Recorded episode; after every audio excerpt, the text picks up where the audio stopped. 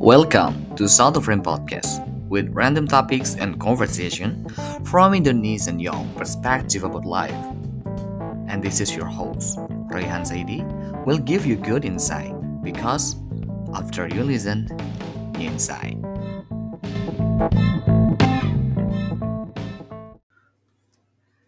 Halo, gue Royhan, tuan rumah satu frame podcast. Jadi kali ini gue mengajak teman gue yang saat ini berada di wilayah bagian tengah Indonesia, Ayunda Putri Rizanti. Halo, apa kabar hari ini Ayunda?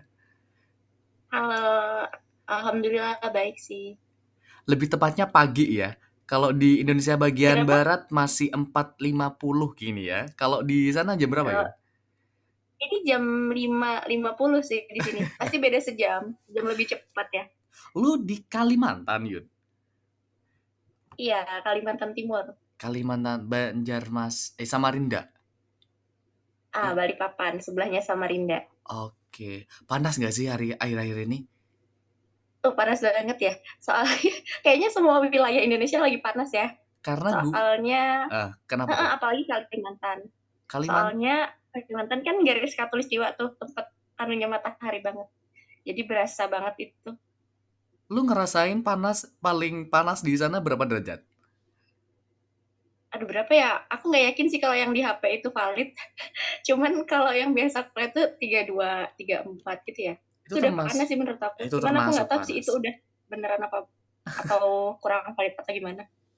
Iya, karena gue ngerasa sendiri nih ya, gue kebangun hari ini itu gara-gara panasnya naudzubillah.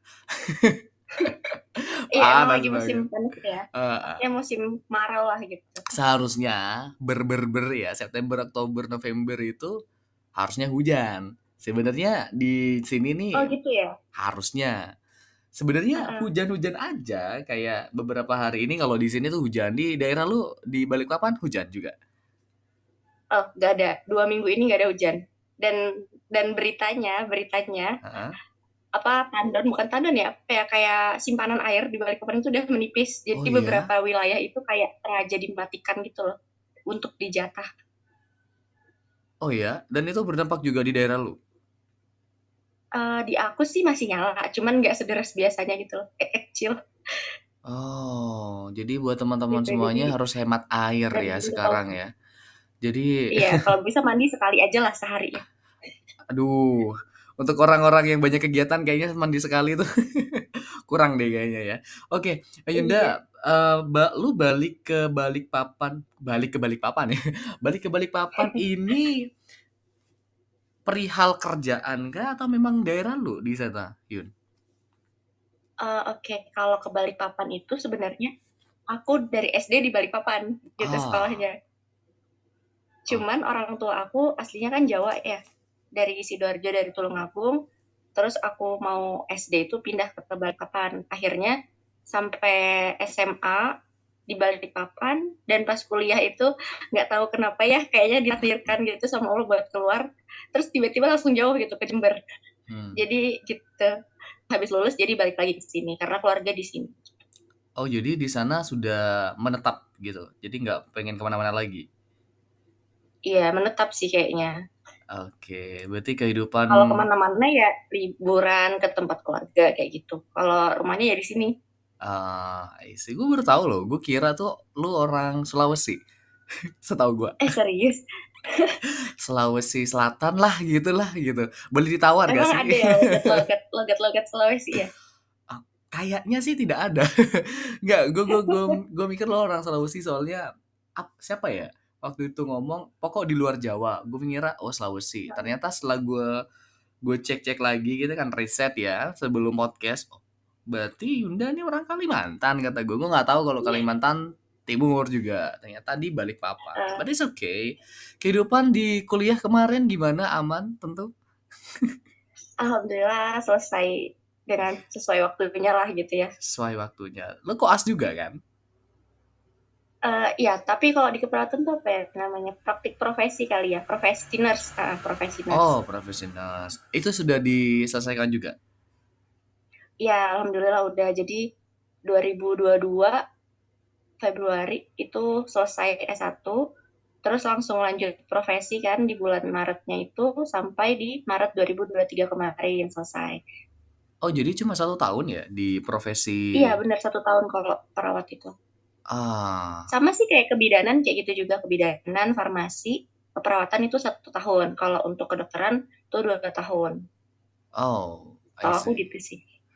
Lu memilih keperawatan itu gara-gara diri lu sendiri atau ada jebakan dari orang lain atau seperti apa nih? Ah, ini agak bingung ya jawabnya karena gini Ray, dulu aku SMA itu nggak ada sedikit pun terbesit untuk masuk keperawatan gitu. Ah, Yang aku pengen itu malah dulu aku pengennya itu teknik arsitektur. Dari jauh kelas banget. 1 SMA sampai kelas 3 SMA tuh nggak berubah itu aja terus yang aku pikirin kan. Cuman ketika udah eh, selesai UN dulu kita UN ya ujian nasional Hmm. itu aku kan gara-garanya ditolak ya jadi aku dulu nggak ada kepikiran masuk PTN nggak ada kepikiran masuk UNED kayak gitu atau kampus-kampus negeri lain tuh aku nggak. Karena aku basicnya kan SMP SMA swasta nih ya. Terus aku pengennya lanjut SMA apa kuliahnya? Ah swasta lagi aja deh gitu kan. Terus ternyata si kampus swasta ini kan ada beasiswa-beasiswa gitu lah ya. Nah aku daftar. Ternyata aku ditolak. Jadinya aku tanpa persiapan ya. Mungkin kalau dulu kamu ikut nggak sih bimbel kayak SBMPTN gitu? Atau Enggak lagi. masuk kampus gitu Enggak lagi gue undangan lagi gila. Sumpah, Bo, sombong banget. Iya aku juga enggak sih soalnya nah karena aku ditolak tadi nih aku akhirnya eh, nyari jalan lain daftar SBMPTN itu cuman Ah. dengan di situ aku nggak ada kepikiran masuk jurusan apa atau atau pengen kuliah di kampus apa tuh nggak ada gitu Ah. jadi eh, aku kayak mendadak searching lah gitu kan mendadak searching terus dari orang tua tuh pengennya kesehatan gitu kan jadi ya udahlah aku tidak jadi memilih teknik arsitektur itu. Karena aku juga waktu itu kan kayak apa ya bener sih itu mimpi aku gitu waktu SMA cuman kayak aku nggak tahu ke depannya bakal gimana gitu. Beda sama kayak orang tua aku tuh kayak nge-planning gitu loh kalau kesehatan tuh gini gini gini. Akhirnya oke aku ambil beberapa jurusan yang memang itu di bidangnya kesehatan kayak gitu. Akhirnya aku pilih. Nah keperawatan UNED ini tuh pilihan ketiga. Kalau dulu kan kita maksimal tiga ya Ah. pilihannya. Hmm. Eh, satu dua tiga nah, ini tuh yang ketiga dan keterima gitu. Jadi kayak waktu keterima itu aku nggak tahu ya harus ekspresi gimana. Terus yang pertama aku alhamdulillah gitu kan. Terus aku bingung ini beneran keperawatan aku? gitu.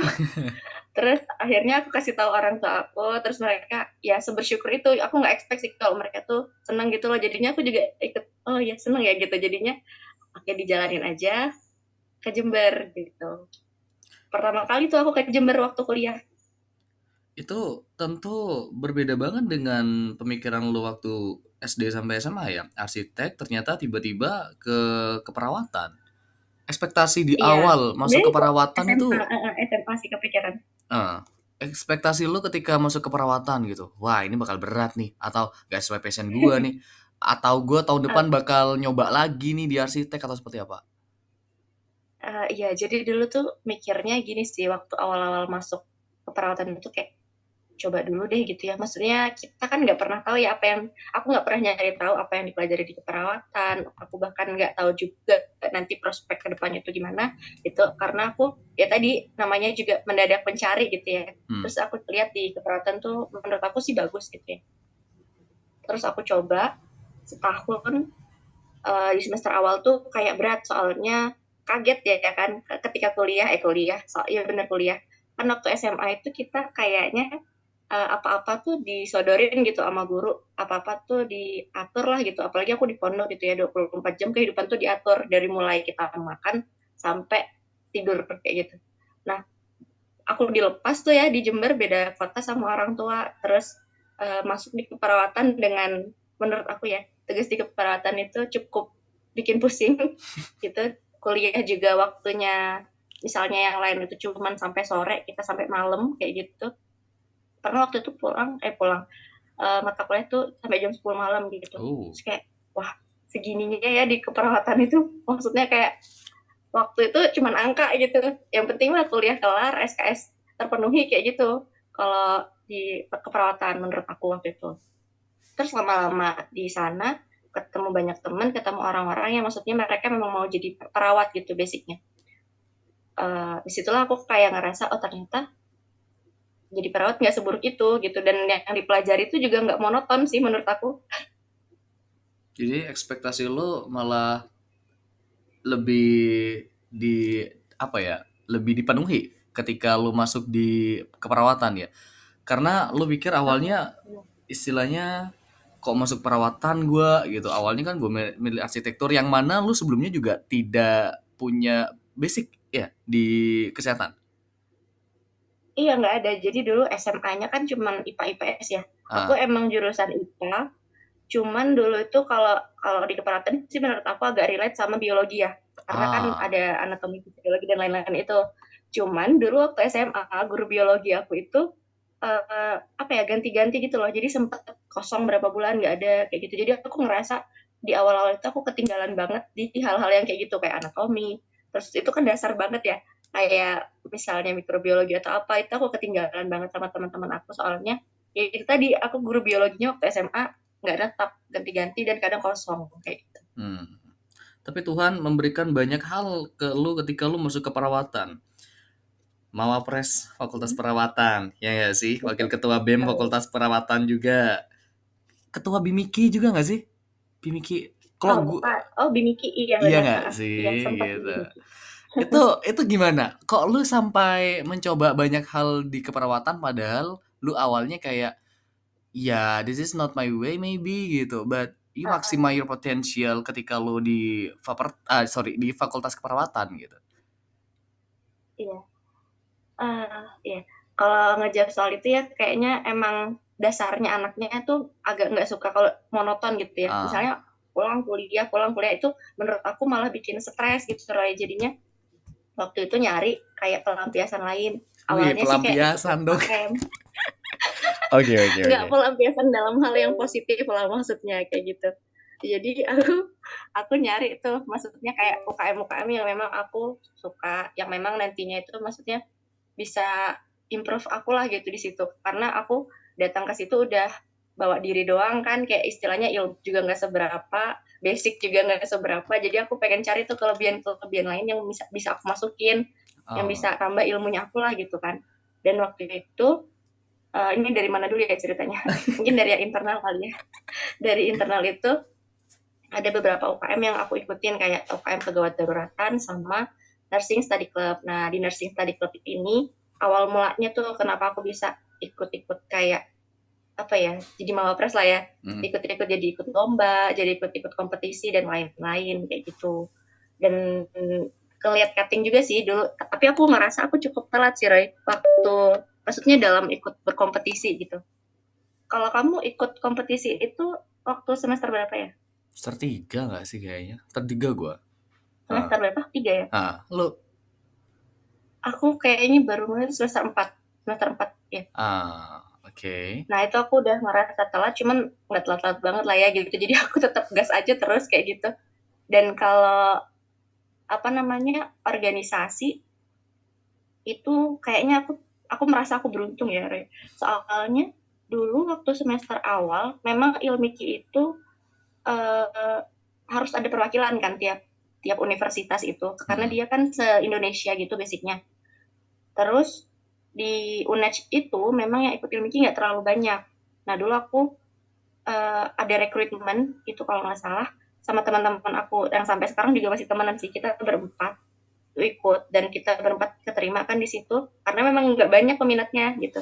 Cuman ternyata setelah diikutin Ilmiki ini kan banyak cabangnya ya, banyak lembaga otonomnya gitu. Jadi hmm. Ilmiki itu lembaga besarnya, terus dia punya anakan gitu. Jadi anakannya ada yang di bagian keilmiahan jurnal ya Bimiki itu terus ada juga yang kayak di kebencanaan itu dan juga ada yang ke lebih ke arah internasional gitu kayak mungkin dia ikut apa namanya uh, konferensi dan lain-lain kayak gitu. Nah, aku waktu pertama masuk itu bagiannya masuk di bagian pendidikan dan profesi. Jadi hmm. uh, departemennya itu itu gitu. Jadi ngurus Bimiki itu akhirnya tertarik sama nulis menulis jurnal menjurnal kayak gitu. Oh kayaknya seru ya gitu. Ya nggak tahu sih menurut kamu ini seru atau enggak tapi menurut aku itu seru ya. Nah itu jadinya aku mulai masuk lah ke situ mulai ngerti uh, namanya editor jurnal ah. chief of editor namanya reviewer dan lain-lain kayak gitu kenal di situ. Akhirnya jadi aku di Bimiki itu udah kayak SMA right tiga tahun. Hmm. jadi lumayan dari ya? awal yang iya dari awalnya itu dari staff staff humas terus naik lagi jadi ketua humas sampai akhir oh sorry naik lagi jadi wakil pimpinan umum dan yang terakhir itu kemarin jadi pimpinan umum Keren. kayak gitu tepuk tangan aku berasa kayak oh, banget gitu ya aku di Mimiki tapi ya aku menikmati aja sih Oke. Dan lu di BEM juga itu tuh barengan gak sih? Lu jadi ketua BMIKI itu, lu jadi wakil ketua BEM. Gimana tuh? Gimana tuh? oh sorry kalau BEM itu barengannya sama wakil wakil pimpinan umumnya dulu jadi ah, aku jadi ketuanya itu pas udah semester akhir gitu sebenarnya sama-sama sama-sama wakil ya di di di tahun yang sama. iya betul kayak Oke. gitu Kok kok bisa tuh? jadi apa ya waktu itu memang kalau di fakultas aku BEM itu eh, dulunya banyak peminatnya cuman nggak tahu ya seiring berjalannya waktu menurut aku minat itu turun gitu kayaknya Hmm. itu nggak cuma terjadi di fakultas aku ya di Hmm. fakultas lain pun begitu mungkin ya kalau di pertanian nggak tahu sih kurang lebihnya gimana menurun juga nggak sih Iya, gue ngerasa bahwa mahasiswa sekarang itu minat organisasinya nurun banget sih. Banget. iya kan Karena dari sisi kualitas SDM dan juga minat di organisasi pengurus-pengurus yang gue tanya aja kemarin makin berkurang gitu. Nah, iya itu betul Iya, yang kata lu. iya dan dan waktu itu ya sama kayak gitu kejadiannya jadi beda sama awal-awal aku maba itu kan kayak Hype banget ya, pengen banget. gitu mahasiswanya tuh Nah. kayak ada kakak Ha. tentu ikut ada kegiatan ini ikut gitu tapi waktu tahun aku itu tuh nggak nggak kayak gitu jadinya eh, nyalonin bem aja itu kita tuh butuh surat ultimatum dulu dari dekan Waduh. jadi kayak ayo kudu nyalon nih gitu itu pun awalnya awalnya itu aku yang disuruh jadi ketua Roy. Tapi aku berpikir kayak Ah, pusing pak. sebenarnya nggak apa-apa cuman di saat itu kan aku nggak megang cuman bem gitu. Jadi aku takutnya Ah. malah aku nggak bekerja di sana gitu dan ngerasa nggak mampu lah gitu waktu itu. Jadi akhirnya teman aku si Putra itu yang Ah, ketuanya ketua bemnya itu itu teman sekelas aku dia. Nah dia yang ngajak akhirnya. Kita ngajak ya udah ya udah boleh aku bilang kayak gitu. Akhirnya kita nyalon satu gitu. Jadi di tahunku itu ada dua dua calon ah. yang nyalon. Dan itu berkurang banget sih. Jadi, karena tahun sebelumnya itu ada empat calon gitu. Jadi kan kalau yang pas tahun aku mau nggak mau ya antara satu sama dua gitu. Karena cuma dua pilihan. Dan itu menjadi salah satu pencapaian di karir organisasi lo untuk dibawa di Pilmapres tahun 2021. Iya nggak sih? 2021 nggak sih? Iya. iya 2021 ya kita satu ya angkatan Oh, iya, cuy. udah udah kelewat dua Ah, tahun ya Aduh, ternyata aduh, melewati Iya, melewati fase yang tidak mudah sebenarnya ya. Oke, gue Iya. gue jujur first impression ngelihat lo karena gini Yun. gue pernah ngundang Mas Lutfian dua kali ya teman-teman bisa cek di episode episode sebelumnya. Mas Lutfian itu Mawapres UNED 2020 dan dia sekarang di Australia ya S2 jalur LPDP. Gue juga pernah undang dia bahas LPDP. Tentu dengan apa ya pendahulu yang sudah menang ya. Mas Lutfian kan dari Ya. Fakultas Keperawatan menang gitu di Pilmapres. Yang gue sering tanyakan ke lo di awal-awal ya, lo punya ekspektasi nggak sih atau lo takut gitu atau lo takut dibandingkan sama Mas yang sudah menang dan gue harus punya beban gue setidaknya minimal tiga besar nih atau gue harus sama iya a successor gitu. Apa yang lo ya apa yang lo pikirkan waktu 2021 waktu itu? jadi waktu itu parah sih kayak kayak memang kan kalau di keperawatan itu kita pembimbing pres itu ngajuin ya. Cuman aku nggak tahu kalau misalnya aku bakal dapet pembimbing yang sebelumnya itu juga bimbing Mas Fian. Ah, jadi sama pembimbing kita itu.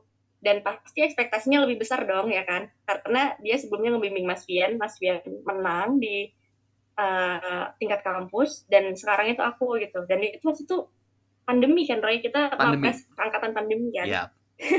jadi itu menurut aku lebih lebih struggle ya karena kita bimbingan online.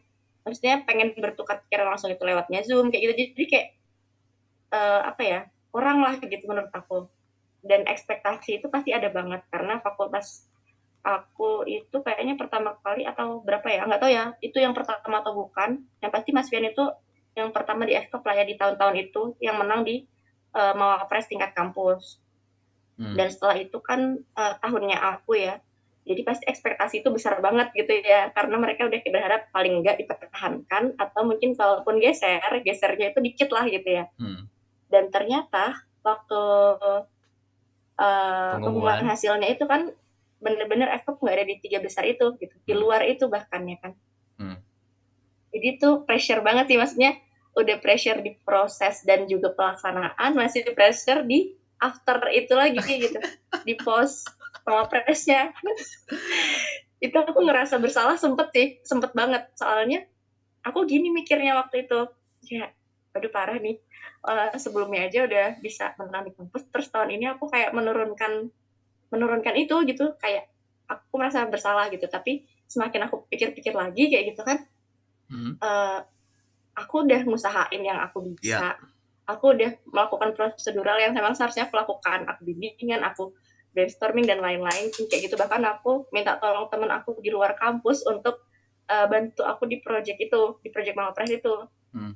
jadi aku merasa kayak ya udahlah kalau memang ekspektasi mereka nggak kesampaian aku nggak usah ikut sedih. Karena itu maksudnya bukan ekspektasi aku gitu. Karena aku ekspektasi ikut Malpres itu sama sekali memang dari awal. Maksudnya aku memang punya ambisi untuk ikut. Dan maksudnya itu uh, bisa mewakilin ke kampus gitu. Tapi sampai kampus nanti aku harus juara satu atau juara sekian itu aku nggak ada ekspektasi ke sana gitu. Jadi uh, lebih ke apa ya waktu itu? Ikut karena kepo gitu ya. Pengen tahu gitu. Gimana sih mau pres sama pres dari fakultas lain? Terus aku juga uh, sih ketemu sama kayak kamu ketemu hmm. Abed Belva dan lain-lain. Itu kayak wah keren keren ya gitu. Maksudnya nggak uh, cuman model ngomong doang nih gitu tapi juga bawa bawa pemikiran, bawa gagasan yang memang maksud aku punya keunikan masing-masing dari tiap fakultas kayak gitu. Dan hmm. itu keren banget sih waktu itu. Maksudnya aku nggak nyesel walaupun nggak menang ya. Uh, tapi aku ketemu orang-orang kayak kalian ketemu maksudnya motivasi inspirasi baru lah di Mawapres itu Keren. jadi aku merubah ekspektasi aku awalnya yang tadi itu ya ikutin ekspektasi kampus uh, sorry fakultas aku yang harus menang dan lain-lain itu. Kayak udah yang penting dijalanin dulu ntar akhirnya gimana uh, diikutin aja gitu. Karena aku takut kalau aku berekspektasi dari awal kayak aku harus juara sekian sekian yeah, gitu. Ketika sakit. aku nggak sampai di titik itu pasti itu sakit banget. Sakit banget. dan kemarin pun aku nggak ekspektasi juara tapi aku nggak maksudnya nggak sesuai sama apa ya yang aku pengenin gitu. Itu aja udah sakit gitu aja gimana hmm. kalau ekspektasi aku juara gitu kan. Hmm. jadi gitu sih kurang lebihnya. Karena komparasinya jadi ekspektasi pasti ada. Iya uh, jadi ah. pembimbingnya itu sampai uh, nanyain gitu gimana hasilnya? Padahal itu dari uh, dekan itu udah ngasih tahu gitu loh hasilnya kayak gini gitu. Karena hmm. mungkin dia saking itu ya saking kayak sih? Gitu loh. Uh. Uh, uh, bener karena mungkin ekspektasi dia kan sama gitu sama tahun sebelumnya uh. karena lu juga nggak kalah keren sama Mas Wian sih jujur li karena karya organisasi lu juga seabrek gitu prestasi lu juga banyak banget Yun gitu. Kaget juga mungkin karena memang 2021 tuh jontok-jontokan sih menurut gue. Iya, ya, ya ekspektasi itu tetap ada ya. Setiap setiap uh, mawapres di tahun itu mungkin ambisnya sama. Cuma memang ya, uh, apa ya jontok-jontokan banget gitu. Mungkin ada yang menang speechnya ada yang menang public speakingnya menang achievementnya bla bla bla gitu kan. Nggak bisa kita komparasikan iya. satu sama lain. Dan dan dan itu membuat lo sedih ketika lo ditetapkan tidak juara atau istilahnya tidak masuk tiga besar gitu waktu itu? Uh, dibilang sedih tuh nggak sesedih itu Roy, cuman kayak ada kecewa lah gitu ya, kecewa di fase itu. Kecewanya cuman, tuh kayak ya gimana lama, tuh? Cuman aku ngelewatin itu gitu, jadi kayak berasa kayak oh kosong gitu ya kayak ya Allah ini udah lama loh prosesnya kemarin gitu yeah, ya, iya, terus kayak yeah yeah. bener kan jadi kerasa banget gitu cuman ya udah mau gimana lagi kan namanya juga takdirnya udah kayak gitu dan kita nggak bisa selalu apa ya namanya kita nggak bisa selalu dapat apa yang kita pengen apa yang kita ekspektasi. Ini tuh kan nggak selalu sama ya. Jadi right. mau nggak mau diterima dan ya udah jadikan bahan pembelajaran. Kalau itu tuh bukan kegagalan kok tapi itu adalah proses pembelajaran kayak gitu. tapi pemikiran itu tidak mungkin lu dapetin dalam satu hari Yon I mean gini Ya, lu terus memotivasi diri lo untuk itu pengumuman terus aku langsung ah wow. kayak gitu mungkin ya I mean gini jadi lu, ada fase fase lu, tadinya itu fase yang ah, agak denial terus kayak kecewa sedikit sedikit nah baru beberapa hari berlalu baru deh mulai itu sadar diri kalau hidup masih berjalan. Nah, Gitu karena sih. gue ngerasa bahwa kita tuh perlu memotivasi diri sendiri ketika kita jatuh gitu loh. Itu yang lo lakuin juga. Iya. Ah, gimana? Kita perlu memotivasi diri sendiri ketika kita jatuh gitu kan. Itu yang lo lakuin juga tahun Iya. 2021. Iya, karena gini Roy, bener gak ya soalnya eh, ketika kita pengen ikut suatu kompetisi itu pasti banyak banget supporternya. Kayak dari dosen, dari fakultas, dari teman-teman kita gitu ya. Huh. Tapi setelah kita selesai nih dalam kompetisi, ketika kita menang mungkin ya, kita mungkin bakal dapat itu lagi apresiasi dan Iya. dapat eh, kayak selamat ya gitu. Cuman beda halnya ketika kita nggak menang, iya nggak sih? Iya. Jadi ketika kita eh, sebelum ikut lomba kita dapat support, ketika setelah kita lomba, kalau kita menang nih, kita dapat apresiasi itu, kita dapat eh, yang namanya ucapan itu, selamat itu. Tapi ketika kita eh, nggak sesuai sama ekspektasi mereka, atau mungkin kita eh, dalam hal nggak menang ya di situ, itu pasti jarang banget, bahkan nggak ada gitu yang memberi ucapan kayak eh, akhirnya kamu udah melewati ini ya gitu, akhirnya kamu udah eh, point. ngelewatin proses-proses yang berat I ya walaupun you. kamu udah nggak sesuai sama ekspektasi tapi kamu udah di titik ini loh gitu itu iya. jarang banget I feel you. I feel you, man. Come on. ya kan Oke. jadi Ya. Tapi ternyata 2021 tuh mengajarkan kita banyak hal ya. But it's okay. iya This is life. Always go on gitu kan. Ya, terus iya berlanjut. kan benar. Oke, ngomongin 2023 yang tinggal tiga bulan lagi ya. Lu punya resolusi nggak Yun? Di tahun ini mungkin sudah kecapai maybe? resolusi oke di 2023 sebenarnya ini udah agak kelewat banget ya kalau kita ngomongin resolusi tapi Ah. karena ini masih ada beberapa bulan ya menuju 2024 Hmm. Eh, sebenarnya aku nggak muluk-muluk di 2023 itu kemarin itu yang penting aku bisa eh, ngelanjutin inilah maksudnya dari aku proses kuliah tadi selesai aku bisa punya kegiatan kayak sekarang yang aku kerja Eh, ada kegiatan yang aku lakuin lah gitu walaupun memang tujuan awalnya aku pengen lanjut studi karena memang aku merasa aku sendiri pribadi belum siap. Dan kayaknya eh, dari segi keluarga dan lain-lain itu masih belum mendukung aku untuk itu. Akhirnya ya aku jalani aja dengan yang aku jalani sekarang gitu. Jadi aku kerja aku cari hal-hal baru yang bisa aku simpan lagi untuk bekal selanjutnya kayak gitu sih. Jadi itu Amin. mungkin resolusi aku di 2023 jalanin aja. Terus juga ambil yang positif-positif dari apa yang aku dapatin di sekitar aku dan nggak muluk-muluk artinya aku nggak perlu melihat pencapaian orang lain Keren. untuk jadi tujuan aku kayak gitu jadi aku punya biar aja aku di jalanku sendiri nanti aku mencapai ini di tahun sekian sekian itu urusan aku kayak gitu itu sih jadinya nggak pengen FOMO aja Oh, don't compare yourself with other people ya. Oke, last iya last question. Apa yang bakal lu sampaikan kepada teman-teman yang lagi dengerin podcast ini? Eh, oke. Ini anu ya general ya? Atau Iya, buat teman-teman yang lagi kuliah? In general. in general ya. Eh, mungkin yang pertama itu kita emang maksudnya kita ini kan ke dunia nggak bawa apa-apa ya. Lahir juga langsung lahir aja gitu. Maksudnya nggak ada yang kita bawa sedikit pun dari dari kita lahir itu. Tapi seiring kita tumbuh seiring kita eh, sekarang makin tua gitu ya pasti ada hal yang kita bawa. Entah itu baik entah itu buruk tapi harapannya semoga di waktu-waktu yang ada apalagi masa-masa muda gini ya. Mungkin ini nggak sampai setengah hidup kita. Jadi kalau bisa mungkin kita eh, bisa ambil banyak hal positif lah dari sekitar kita bisa manfaatin waktu dengan baik-baiknya.